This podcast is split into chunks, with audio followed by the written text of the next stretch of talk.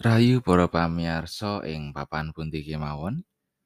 Matur nuwun panjenengan tansih miyarsakaken renungan padintenan basa Jawi Sabda Winedhar. Monggo kita ndedonga saderengipun kita nampi sabdanipun Gusti. Sang Yewa sumbering berkah. Putra Paduka mareksoan asung puja puji lan syukur kunjuk ing ngarsa Paduka. Inggih awit Paduka ingkang pantes kawula luhuraken.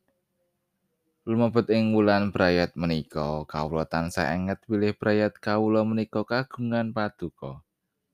Pramila sumangga paduka agem minangka pirantos paduka babaraken katresnan saha katentreman ing jagat menika. Roh suci mugi nuntun saha berkawula. Amrih brayat kawula saged mawujudaken brayat ingkang silih asah, silih asih lan silih asuh. satemah saged dados pepadang ing masyarakat. Tangga tepalih ing kanan kiring kawula. Saged ngraosaken katresnan paduka lumantar brayat kawula. Matur nuwun Gusti. Sakathahing dosa kawula mugi paduka kersa ngapunteni. Wonten ing asma dalem Gusti Yesus Kristus kawula ndedonga. Amin Wawasan kapendet saking Ayub bab sekawan ayat setunggal ngantos selikur. Ing kono Elifas wong teman mangsuli pangucape.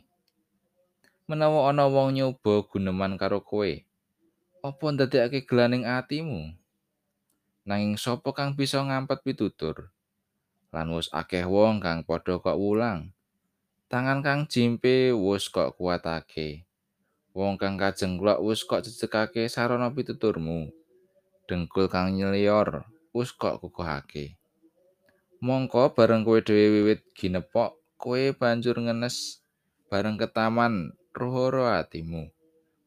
Rapa ngabektimu marang Gusti Allah kang minangka andel-andelmu lan ketemenane lakumu kang dadi pangarep-arepmu.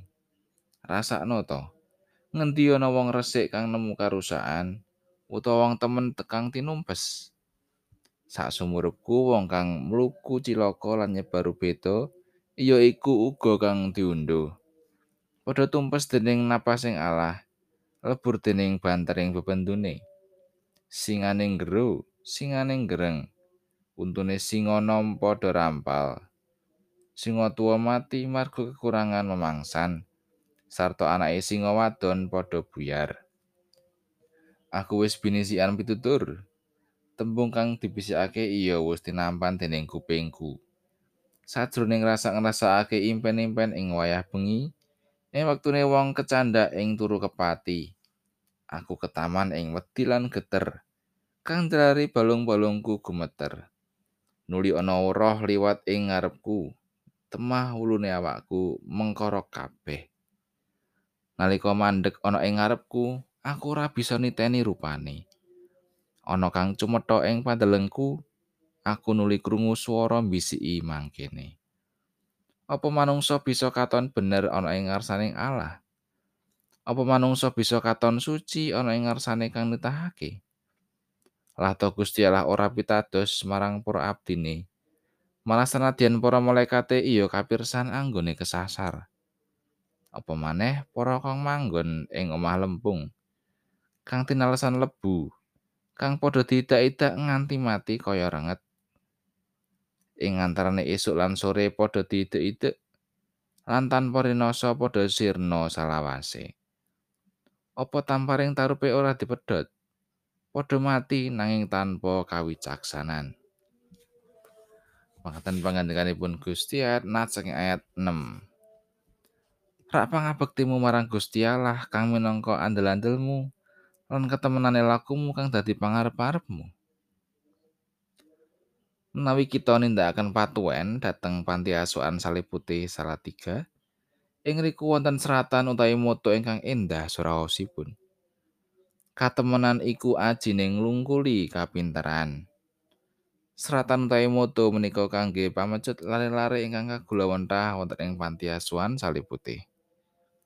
Nanging saged ugi dados piwucal dhateng para tamu ingkang rawuh wonten ing panti asuhan menika. Pilih katemenan dados syarat utawi kangge nggayuh masa depan. lan gesang ingkang langkung sae saha prayogi. Katemenan ugi saged nuwuhaken daya kekiyatan enggal dhateng tiyang ingkang nembe ngadepi perkawis lan panandang. Kados ingkang dipun alami dening Romo Ayub ing salebeting panandang lan kasangsaranipun. Romo Ayub tetep nelakaken katemenan lan pangabekti dumateng Gusti. Sinaosa piyambakipun nampi pamoyok lan dipun wewodo dening kanca kancanipun. nanging Romo Ayub kanthi kebak ing piandel tansah ngajeng-ajeng dumateng Gusti. Bilih kanthi katemenan lan pangabektinipun dumateng Gusti saged uwalan mimpang saking panandang lan kasangsaranipun. Para winasis ugi ngendikaaken nalika wit tuwuh sangsaya inggil sangsaya ageng angin ingkang anempuh.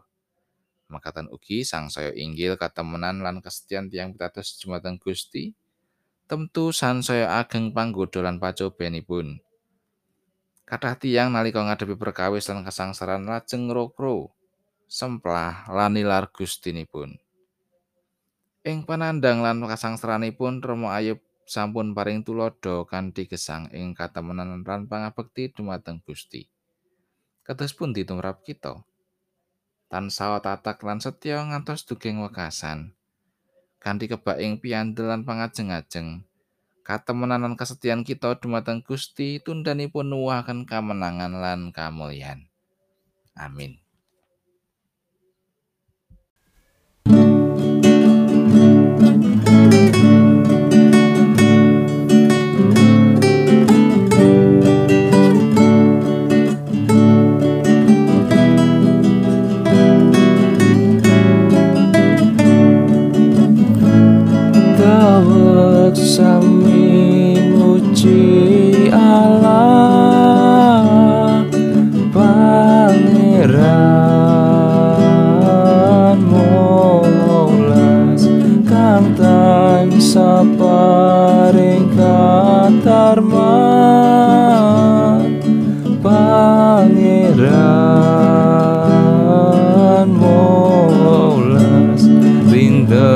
dalu tatan kendat penyo anjang kongkang umat milo tawa uci